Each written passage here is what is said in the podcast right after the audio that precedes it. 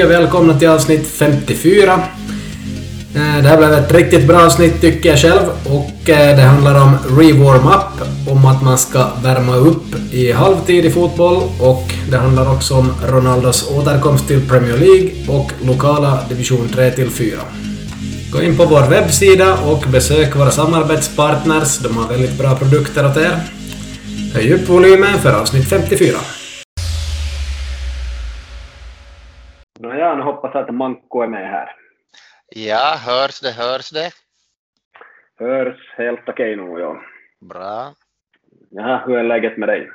Riktigt bra tack, riktigt bra tack. Efter en helg med Norrvalla Cup så, så det där är man riktigt fräsch, tänkte jag säga. Eller lite trött? Ja, nå, trött är man väl alltid, men nej, det är riktigt, riktigt bra nu tack. Hur är det själv? Ja, det, det är fint. Eh, jag vill fråga lite om Norrvalla Cup. Hur såg det ut där? Det var regnigt kanske?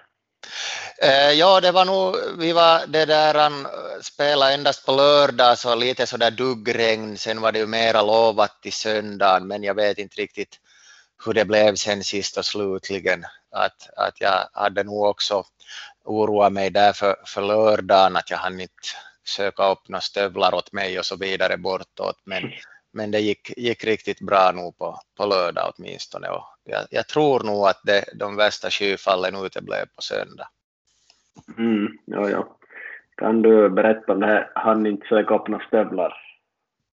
Ja, no, det var så att vi det där han, äh, hade samling 9 9.50 där i Kaitsor och så det där han, äh, började vi packa då där en äh, var det 8, 8.45 tiden och skulle fara där mellan 9 och, och 9.15 så att vi skulle hinna och då skulle vi ännu tanka och köpa så så att det, det, de var inte där jag trodde de där stövlarna, att de var säkert där i uteförrådet.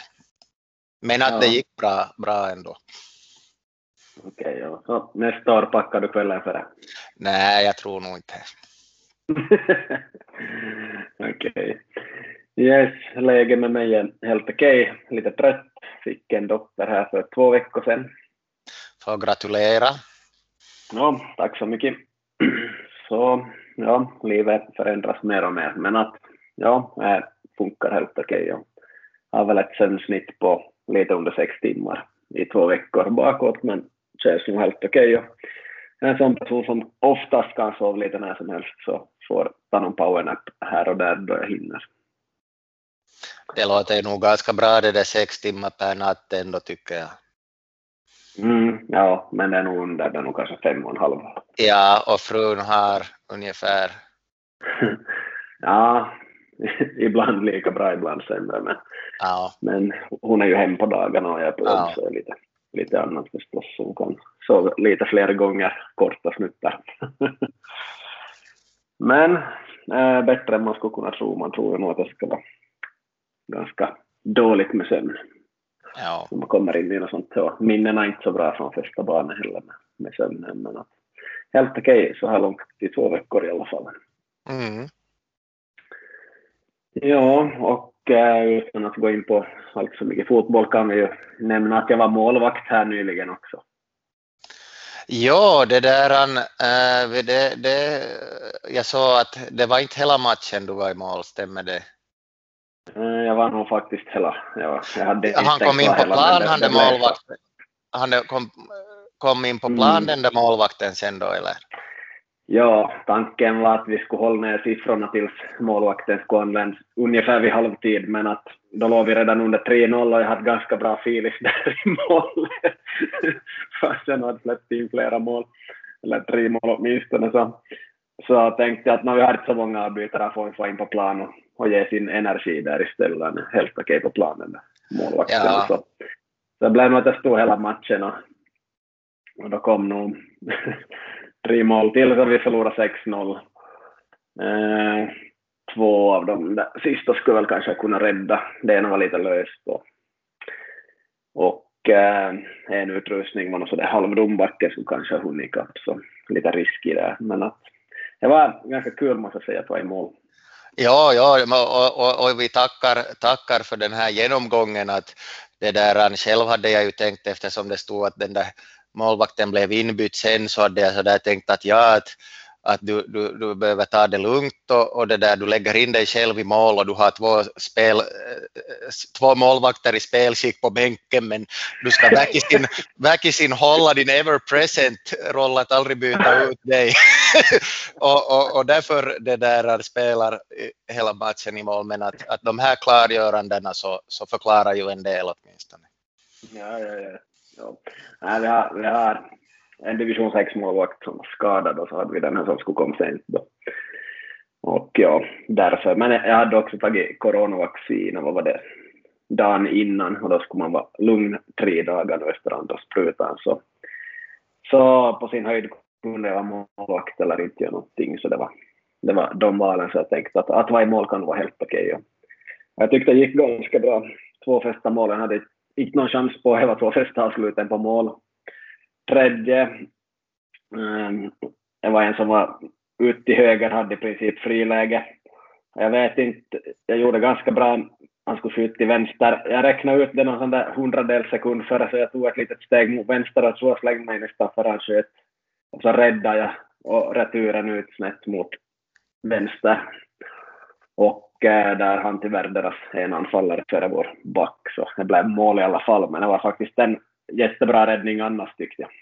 ja, lite som, som Ronaldos första mål i helgen med spegelvänt. ja, lite ditåt. Ja, men att, ja, så 3-0 i halvtid i alla fall, så det var ju nog kört där. Vi hade mycket folk bort lite division 6-spelare på plan i startelvan och sådär. Men helt kul, helt kul var att vara i mål och, och lärorikt också, men inte, inte ska jag nog vara där något mer. Så på det viset. Och bra också då man drar målvaktsutbildning, att man har varit där själv på, i en riktig match då faktiskt gäller, för det, det är lite annorlunda än på träning. Ja, ja. Mina utbildningspaket har nu kommit till salu igen och gått ut till en del föreningar i svensk Finland, så det, det är någonting som jag hoppas att de funderar på. Och det är då öppet för alla tränare och ledare som vill gå det här. Det kostar förstås någonting också. Eh, det har funnits en testgrupp som har gått igenom det här paketet bland annat. Det består av Powerpoint och videor och eventuella Teams-möten där man kan diskutera de här sakerna. Eh, kan du ge någon kort kommentar om vad du tyckte då du gick igenom det här utbildningspaketet på våren? Ja, det där, det var ju det där, eh, jag fick möjligheten att kolla igenom det lite och, och eh, det var, det var nog till, till största del det där vettiga, vettiga saker som, som jag lite då hängde upp mig på en del detaljer kanske och mera på semantiken. Men så där i stora hela så, så tycker jag nog att det var, bra och att, eh, men att man just ska komma ihåg då att man får, får fundera hur man äh, använder det på, på den nivå där man själv fungerar. Mm, precis. Ja, väldigt bra kunskap om allt möjligt inom fotboll och, och just hur fotbollen är uppbyggd och sånt, så jag tycker att det, det är väldigt vettigt för alla. Och det tycker också Christian Sund bland annat som har testat det här. Eh, just det där första utbildningspaketet heter Fotbollsutbildning i världsklass och det är 183 sidor powerpoint och tre och en halv timme föreläsningsvideor som handlar om den powerpointen. Då. Sen kommer det ett till utbildningspaket som heter periodisering, fotbollens fysik och det är 216 sidor powerpoint och lite över tre timmar föreläsningsvideor. Det finns två sådana här paket att köpa och det här med periodisering är ju extremt viktigt i fotboll att veta hur man ska använda fysiken i fotboll, hur, hur fysik, fysikträning ska se ut och vilka kraven är och allt det här och, och hur man ska träna. Så Manko kommer att få testa det här också och höra till testgruppen igen om han vill. Ja, jag ska fundera lite det där, men nu, nu ska jag åtminstone kolla. ja, det är bra. Jag ska ge ett exempel på på då det uppstår ny kunskap, vilket det ändå gör ibland fast fotbollen inte har förändrats så mycket på, på 100 år eller någonting, 50 år. Men att nu uppstår det ny kunskap emellanåt. Jag ska ge ett exempel på det som inte ingår i utbildningspaketet men ändå finns här. Um, ställer först en sån fråga att Manko, att värma upp, vad är det egentligen vi gör då vi värmer upp? Alltså det här traditionella, joggar och bla bla bla för en fotbollsmatch. Vad är det ja, värmer upp? Det är väl att göra sig beredd för maxprestation, både det där uh, fysiskt och mentalt och, och kanske tekniskt och i viss mån även taktiskt. Mm, yes. Och just att vi värmer upp musklerna rent så här kemiskt. Musklerna blir varma, det är ungefär 36 grader och far upp till 39 grader då vi är som varmast och håller igång. Och äh, det jag ska ta upp nu grundar sig på forskning av Jens Bangsbo till att börja med och sen en svensk forskare har också gjort någonting, han heter Peter Edholm och det här handlar nu om rewarm-up, vad man gör i halvtid i fotboll. Så vi kan, det har gjorts studier då, att spelarna verkar trötta i andra halvlek. 30 procent av spelarna är minst aktiva i början av andra halvlek. Så att eh, de har en bra aktivitetsnivå i första halvlek, sen sjunker det, speciellt första tio minuterna i andra halvlek, och sen kan det som bli bra igen. Och vad beror det här på då? No, om halvtid är 15 minuter och man sitter ner och bara lyssnar på tränaren och sen går in utan att göra någonting speciellt så, så då beror det på det att åtminstone 30 procent av spelarna är minst aktiva i början av andra halvlek. Och då har man undersökt det här att muskeltemperaturen gick ner från 39 till 37 grader. Den var alltså 36 före match, men att 37 grader ungefär då, då man går in i halvtid. Eh, sen steg den efter 10 minuter igen. Och varmare muskler gör ju att man kan springa fullt maximalt explosivt. Så då har det gjorts eh, forskning på det här och olika tester.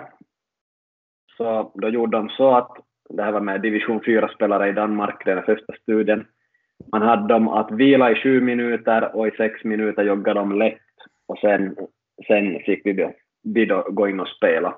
Och då, då kunde vi bibehålla den här temperaturen. Eh, man gjorde också sådana tester med 3 gånger 20 meter spurter med 10 sekunder vila emellan och eh, testerna visade att det som var bra, det, det funkar som det skulle. Eh, sen har då den här Peter Edholm gjort eh, det här på elitnivå, fick med alla svenska lagen på det här, vissa i alla fall, och det var just innan försäsongen, nej i slutet på försäsongen så att de var väldigt taggade och de spelade med domare och allt fast de gjorde de här testerna. Så de tog tre kameror, en per spelare. Och eh, ett lag gjorde rewarm-up i halvtid och ett lag gjorde inte det. Och då testade man sprint, hopp och styrka där också. Och eh, det här traditionella sättet att man bara sitter och inte inte värmer upp musklerna och desto mer gav försämrade resultat i prestation.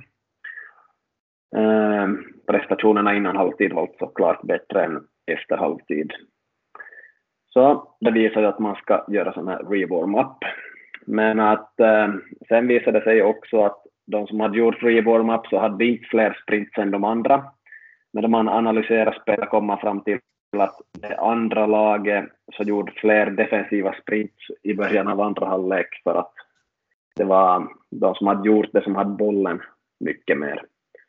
Så då behövde de inte sprinta på samma sätt. Så, så på det viset. Ehm, det som man sen kan fundera på här är att kanske man kan använda värmefiltar eller bara ha 3 till 5 minuters rewarm-up också och det skulle gå att forska mer kring det säkert också. Men att måste fundera vad sker i omklädningsrummet också. Folk kommer in och lugnar ner sig, får se lite videoklipp och får den här taktiken, koffeintuggummi, sen rewarm-up och sen in och spela. Eller ska det vara någon värmefilt eller någonting.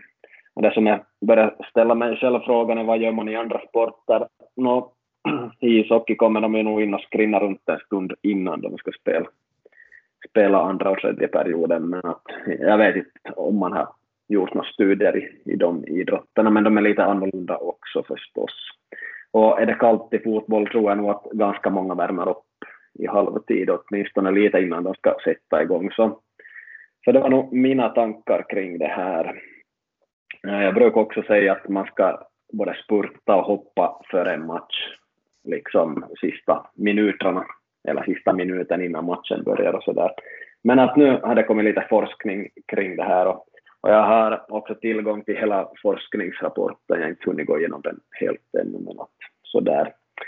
Äh, väcker det några tankar hos dig allt det här, Manko? Ja, ja, nu tycker jag det där att eh, just när man var, var junior så, så det där, då var det ju kanske lite så där att när man kom in i andra halvlek så körde man några spurter och så vidare och, och man ser ju nog just att en del division 4 äh, eh, spelare som, som det där äh, tar allvarligt på sitt idrottande så gör lite liknande spurter innan andra halvlek eh, och sen mera mot elitnivå så har man ju nog börjat se mera och mera just det här att det är någon övertaggad eh, fystränare med, med håret i manband som står och lägger ut lite koner och så hoppar de här spelarna på och kör lite det där äh, olika sorters riktningsförändringar och hopp och så vidare. Så att nu tycker jag att eh, och, och det har jag nog inte det där sitt så mycket av det där tidigare tycker jag, även om jag ju förstås då inte har haft någon kamera på, på när spelarna kommer in så där, men att, att det är nog när du pratar om det här så, så det där äh, börjar jag tänka nog på det att, att just att en del lag har det där nog sån här i warm-up riktigt under ordnade former äh, innan andra halvlek och, och just det eh, utan desto mera eh, filosoferande så, så också med det där äh, sunt förnuft så tycker jag ju att det verkar väldigt vettigt. Desto högre upp man kommer. Så att det var om du har lagt märke till det här också, de här övertaggade fystränarna. Mm, ja, man har nog sett, sett det lite grann på senare år. Jag tror det var egentligen i Championship, alltså engelska näst högsta serien där de började göra det här så att man såg det på TV faktiskt. Så kanske därifrån folk har plockat det lite. Eh, jag vet inte om man har sett det i Premier League och så där. Men att i Championship var det ganska omtalat här för något år sedan. Så, så det har nog kommit lite grann, men jag har också frågat flera aktiva spelare på, på liganivå i ett par länder här som jag känner och, och de har aldrig gjort någon rewarm-up i halvtid faktiskt. Eh, Sen då man spelar själv, före jag har hört om det här också, så när man är trött eller också trött mentalt efter första halvlek så då gör man sällan någonting alls. Man kommer bara ut i plan, liksom gåendes och ställer sig där tills domaren visslar.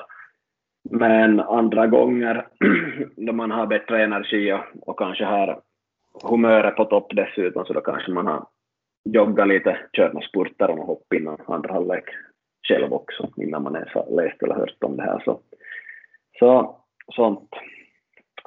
Men att, ja, mycket bra att sånt här kommer fram och den där stora frågan som lämnar bland, bland elitspelarna var att varför har ingen kommit med det här tidigare?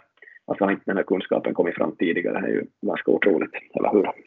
Ja, ja, jag måste ju nog säga att jag nu måste ju ha funnits i det där tidigare, så ni får, får skicka in till, till PC det där svarat för hur många år sedan ni har gjort det här och att har det varit på uppmaning av tränare eller har ni kommit på det själva för att ja, nu måste man ju ha hållit på med det här tidigare tror jag. Jag har sådana sinnebilder framför mig från någon Sundomplan då någon kommer att köra lite höga hopp och några spurter och sådär. Men skicka gärna in era erfarenheter kring warm-up.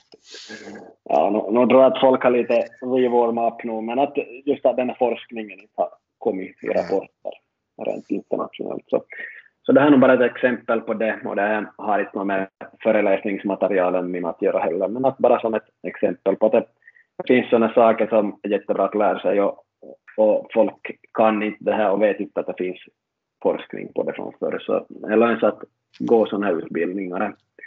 Det ger mycket och det är på toppnivå.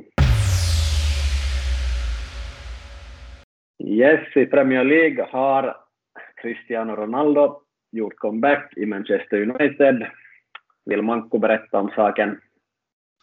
Ja, no, det var ju så här i slutet av, av deadline day, så, eller inte i slutet av deadline day, men i slutet av, av transferfönstret så, så det där blev det ju klart att Messi skulle flytta till PSG och sen började man fundera att ja, att skulle Mbappé till Real Madrid och skulle PSG ta in Ronaldo och så började florera, florera lite rykten om, om Ronaldo. Och sen kom det då det där de här sista dagarna upp rykten om att han skulle fara till Manchester City och att han hade sagt hej då till sina lagkamrater i Juventus och packa skåpet och så vidare. Och, och, men sen då var det på, på fredagen eller hur var det så, så det där var, kom det då rykten att då hade Sir Alex Ferguson ringt och sagt att, att hör du, vad håller du på med, att inte kan du fara till Manchester City och sen blev det relativt snabbt klart då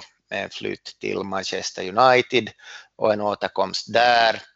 Och Eh, då sen så var det några dagar eh, spekulationer då att, att eh, var det här någon långsiktig plan eller var det bara mitt i allt eller var det för att, för att inte det där man skulle ge Manchester City det här, den här fjädern i hatten och så vidare att värva en Manchester United-legend och hur skulle han passa in i spelsystemet och vad innebär det för resten av truppen och att han var ju knappast någon långsiktig lösning och så vidare. Och så har debatten väl gått lite fram och tillbaka här under, under veckorna och så kom det landslagsuppehåll och så var det dags för premiär i, var det lördags och så debuterade han med två mål, en retur och ett skott som får sökt sig in under Newcastles målvakt. Så att jag såg inte den här matchen det där med någon större koncentration så jag kan inte riktigt säga hur det såg ut spelmässigt det där för Ronaldo i övrigt. Ja, jag har sett i princip hela matchen men inte det andra målet. Varifrån kom det där skottet? Vad var det? Han, han fick som Luke Shaw passa från, från kom, drev upp i mitten och så passade han det där, så, så han var som halvt ensam igenom och strax innanför straffområdet och ett hårt skott efter marken, just löpande rakt mot mål lite på, ändå på vänsterkanten och så ett vänsterskott. Så mm, det var en bra, bra löpning och bra avslut nu. Mm, ja. Um, ja, no, klart han är bra och så där ser på första halvlek då så Newcastle har en poäng på fyra matcher, de är näst sist. Så på pappret är det ju ett dåligt lag de möter och okej, okay, Man United hade mycket bollinnehav men att inte skapa dem så hemskt mycket och Newcastle stack upp farligt emellanåt och sådär så skulle inte Ronaldo ha fått in det där målet i sista sekunden av första halvlek så det ska bli en helt annan analys av hela första halvleken att Eh, Ronaldo kommer inte att prestera fullt ut, kanske man skulle ha sagt i halvtid, i United förrän medspelarna fungerar bättre som lag och fungerar bättre med honom. För skulle man då ha suttit där med 0-0 i halvtid mot Newcastle och allt har hänt utom det där målet så det skulle ha varit en totalt annan bild av både Ronaldo och Man United. Så att det kom ett mål i 47 minuten så räddade nog dem psykologiskt väldigt mycket där kan jag säga. Annars hade han nog gjort sina överstegare, stuckit iväg och skjutit hur dålig vinkel, eh, hårt och något sånt och blixtrat till ett par gånger. Men att eh, stor risk att United inte skulle göra mål i första halvlek för de kom inte till någon jättebra chans egentligen och, och det där målet styrdes väl delvis av en back, det där skottet mot målvakten, så det var därför han inte klarade det och därför Ronaldo fick returen att bara sätta in. Men där kom 1-0 och bra psykologiskt och då blir alla halvtidsstudier i världen så där att ja, nu är han tillbaka och bla bla bla bla bla. Men så kom 1-1 och United hade inte varit på hugget första tio tyckte där alls. Men att eh, sen var jag borta en sväng och sex minuter senare hade han ju gjort mål på nytt och 2-1 och där, där kanske Newcastle knäcktes då så kom ju de här två målen i slutändan Bruno, Bruno sköt sitt fina skott där och Lingard han där i 92 med ett mål. Så att det blev ju en 4-1-seger till slut och jättebra, men att de har en hel del att bevisa i oktober här, speciellt sen tror jag, för de möter de alla möjliga lag som Everton och Liverpool och Leicester och, och sådana här lag. Så det finns nog en hel del att bättra på och fixa till här, men att ja, så jag ställer mig lite sådär skeptisk till det nu hur det kommer att bli, men att en, en bra start på två mål är två mål. Ja. Det är min analys. jag satt nog så ganska noggrant på den och så hade jag Arsenals match på en annan skärm och den såg jag då inte lika mycket av, men att det är helt stabilt där mot Norwich i alla fall. Och första segern, så vet jag och Man City vann ju 1-0 och Liverpool vann ju 3-0 här och, och så vidare. Så ja, ungefär som väntat för övrigt i Premier League. Ja, vi får vänta med de här Arsenal-analyserna några matcher till. Det var ju nog viktigt. Viktig seger och, och det där han får hålla tummarna att det fortsätter. Yes, vi hoppar in på vår lokala division 4 här en sväng ännu där vi är i övre slutspel. Hur är läget i fyran, Makku? Ja, det är ju så att eh, som väntat så har eh, SJK redan matematiskt säkra att stiga till division 3. Eh, Strömsö har mer eller mindre säkra andra platsen och sen kanske Kungliga sitter lite i förarsäte i kampen om den åtråvärda bronsmedaljen där. Och sen eh, mm. Korsholm avsågade i, som och får börja äh, rista in på pokalerna att en sjätte plats. Men att man nådde ändå övre slutspelet, vilket ju var bra jobbat av Korsholm. Det var nu en sån här kort analys. Mm, ja, ganska roligt att det heter övre slutspel, men så tar man med de där jäkla poängen dit också, att det är helt orättvist om man startar, kan man ju se från om man är på sjätte plats då det startar visst. Ja, no, man kan ju alltid hitta, hitta orättvisor det där, eller så accepterar man läget och, och det där, det är ju, de har ju gjort säkert under eh, två säsongers tid så nu hittar jag bara på med säkert sex, sju olika matchprogram så att det där jag tycker nog att, att bollförbundet ändå får klara sig med en fjäder i hatten den här gången. Ja, nej, det, det är helt klart att de har, de har gjort det bra och rätt och korrekt. Så för eh, äh, Korsholms del var nog det viktigaste att nå övre slutspel, för man märkt hur många spelare som var på väg bort av alla möjliga orsaker, men även studier och jobb. Så, så att komma till övre slutspel var perfekt, så kan man inte sjunka. Har man sex lag bakom sig, hur man än gör så. Uh, först hade vi en inställd match som inte passade matchdatum mot Kungliga, och under tiden hade vissa andra hunnit spela två matcher redan och ta så många poäng så att det inte fanns någon teoretisk chans att komma först och inte andra heller. Så det var ju intressant och sen har vi lyckats förlora två matcher där då. Så ja, på det viset. Din analys höll nog riktigt bra. Annars i division 6 gjordes det så att poängen inte kom med till övre slutspelet. Så det var ju lite intressant. Ja, det beror ju på att det var många olika zoner som slogs ihop så att då det där tänkte man lite på den saken. Ja, no, ja det är ju såklart. Eh, vårt andra lag skulle ha stigit om vi skulle ha fått med poängen tror jag faktiskt. Men att det var på håret där att de skulle ha stigit ändå. Men det blev en, tre vinster, tre förluster så skulle jag hunnit vinna en av de där förlusterna. alltså få med rätt spelare så, så skulle jag stigit till femman. Så kanske lite surt för dem. Men att äh, hård kamp i sexan måste jag göra lite reklam för här ännu då. Vävi möter BK48 på onsdag den här veckan tror jag det var.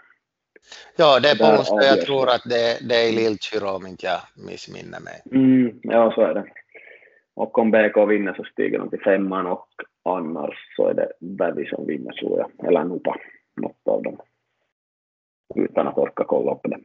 Men BK behöver en seger där så det, det är helt 50-50.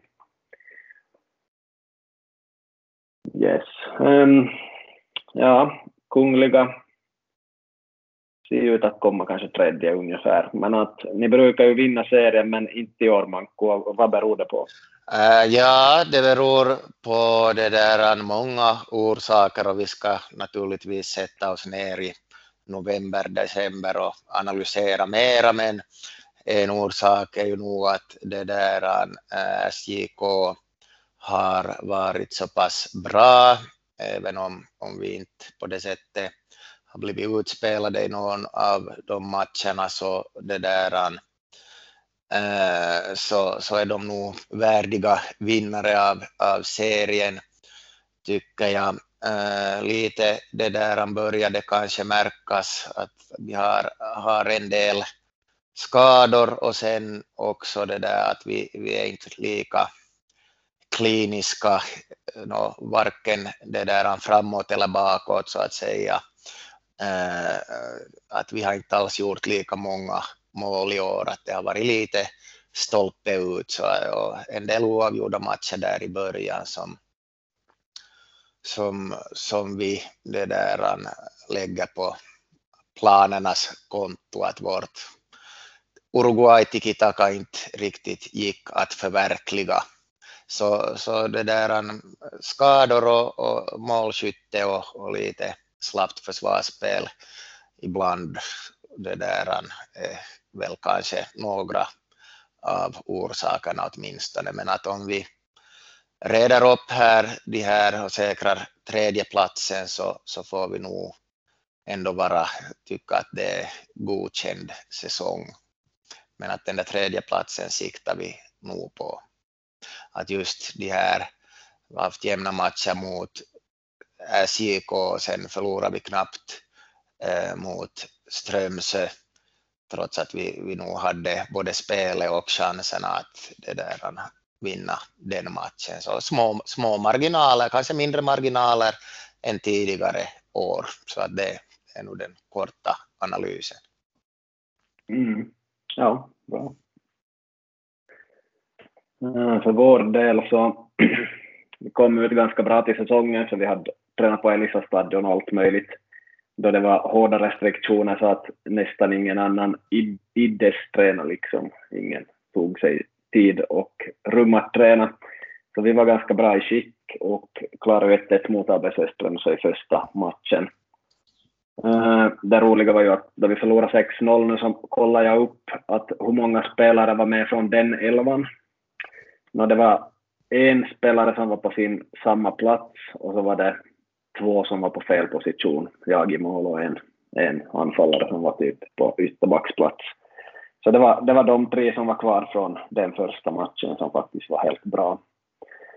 Och äh, stenhårt så att man kan ha bort åtta spelare från en sån öppningselva. Så säger ju nu en hel del om hur en säsong kan förändras från när det nog var typ maj till september.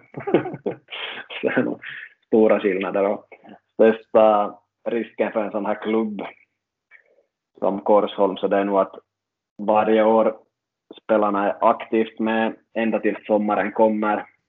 Då börjar de vara bort på allt möjligt.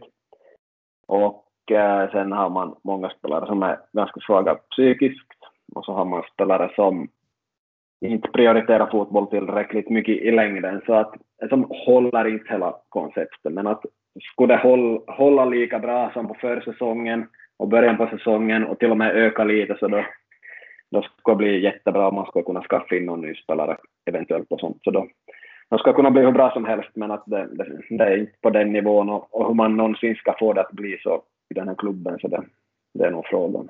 Så där har klubben en del att fundera på. Svårt på division 4-nivå sådana saker, för spelarna måste betala själv en ganska stor summa för att vara med per säsong också.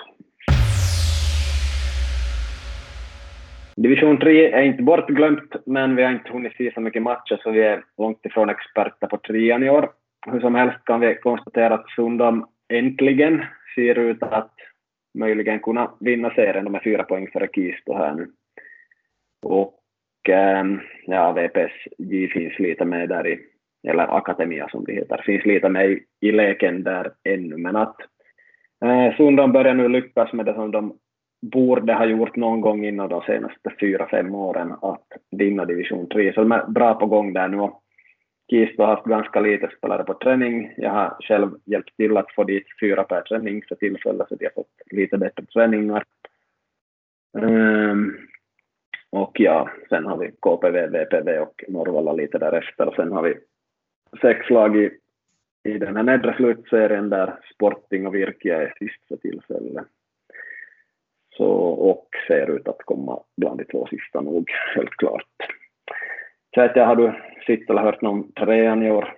Äh, nej, inte har jag sett någon, men det där äh, jag förstod på, på det där äh, gällande seriesystemet att det är så att det är Sundom Kisto i sista omgången så att det kan ju bli en, en riktigt härlig match.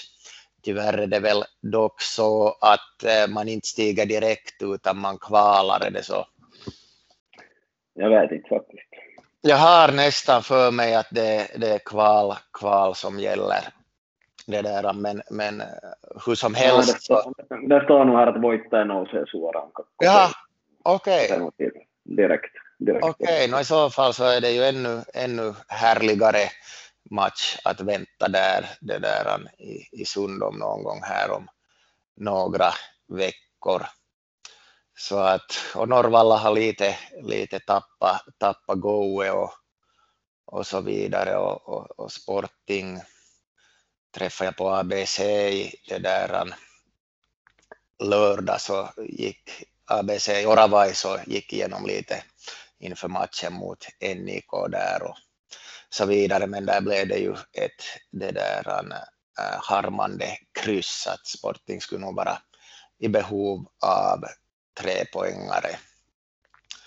Äh, eh, sen gällande division 2 så tog ju Kraft en viktig seger igår mot GBK och Vasa IFK i sin tur vann mot Kraft för en vecka sedan och sen vann man även i Uleåborg här i helgen i lördags så att Vasa IFK börjar ha sitt på det torra liksom Kraft men att GBK ser, ser ut att falla till trean.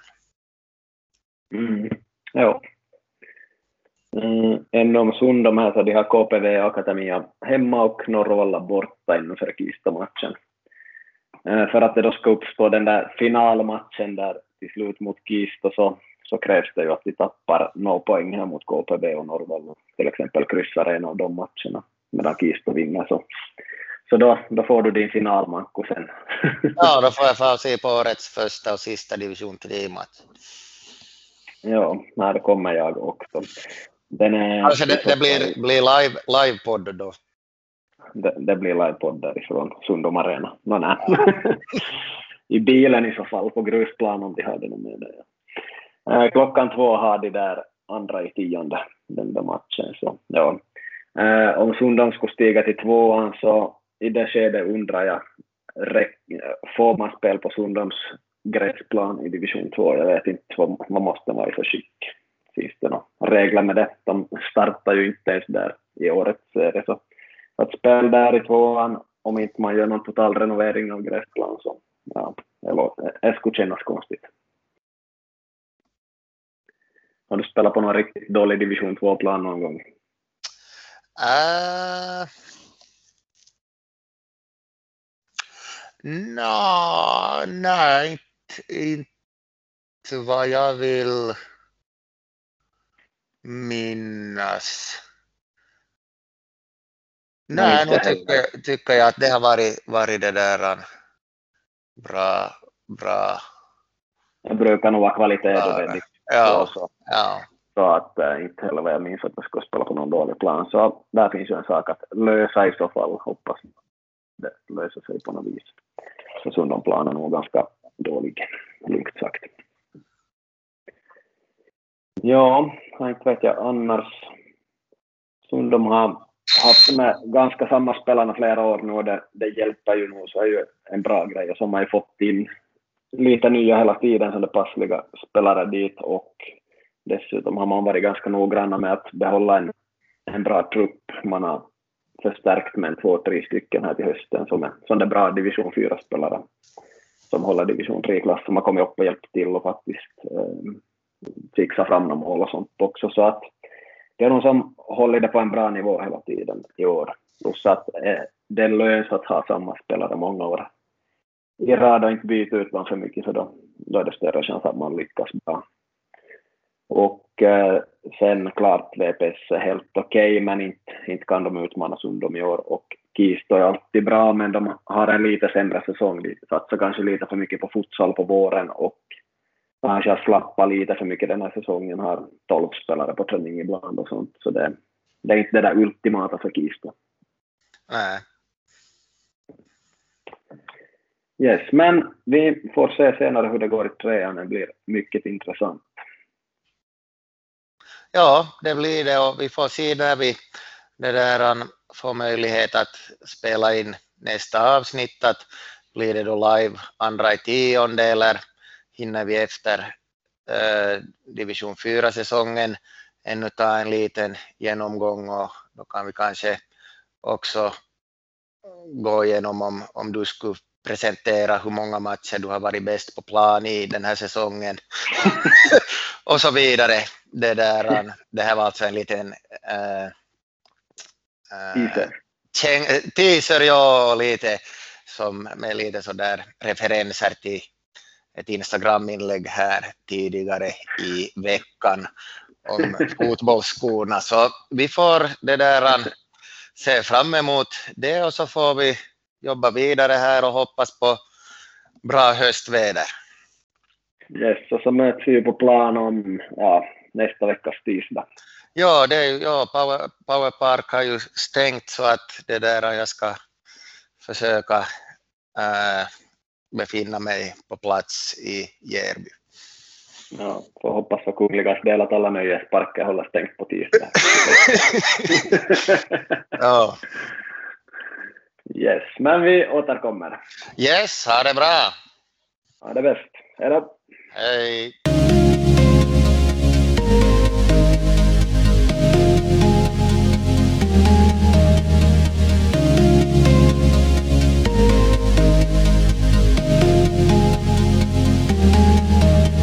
Ta dina foton hos Foto Airaksinen i Vasa och ta era körkort hos Rönns trafikskola i Vasa.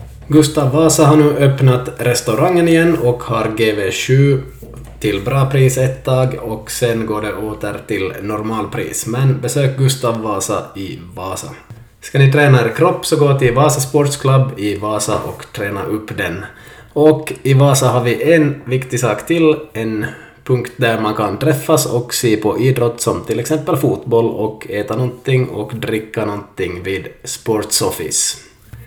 Köp solpaneler och vindkraftverk till höstpris på www.sunergy.fi.